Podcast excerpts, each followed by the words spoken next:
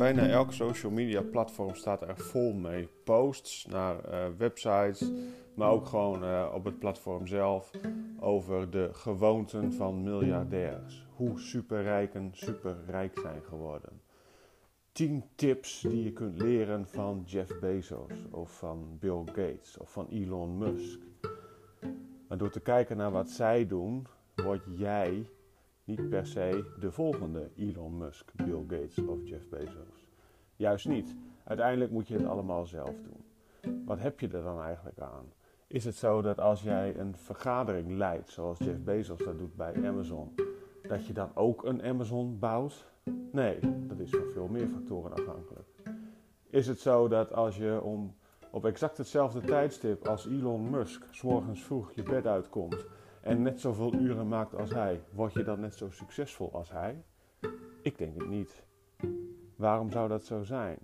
Elk bedrijf is anders, elke persoon is anders en vergeet niet, een bedrijf bestaat niet uit één persoon.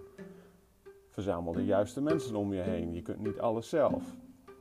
Maar goed, dan ben je ook weer afhankelijk van het aanbod wat er is aan mensen. In Silicon Valley lopen bijvoorbeeld veel meer hele, hele goede programmeurs rond dan in um, Jipsing Boertangen op het Groningse platteland. Zo is het ook. Dus het is prima dat je eens kijkt van, goh, hoe leven die mensen, hoe doen ze dat?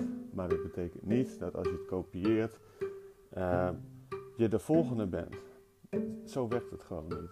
Je moet voor jezelf bedenken in welke omgeving bevind ik me, in welke business begeef ik me, uh, wat zijn mijn skills, waar ben ik goed in, waar ben ik niet goed in. En uh, dat je dan om 5 uur s morgens opstaat en 6 uur, 16 uur per dag werkt, betekent niet per se dat je succesvol wordt.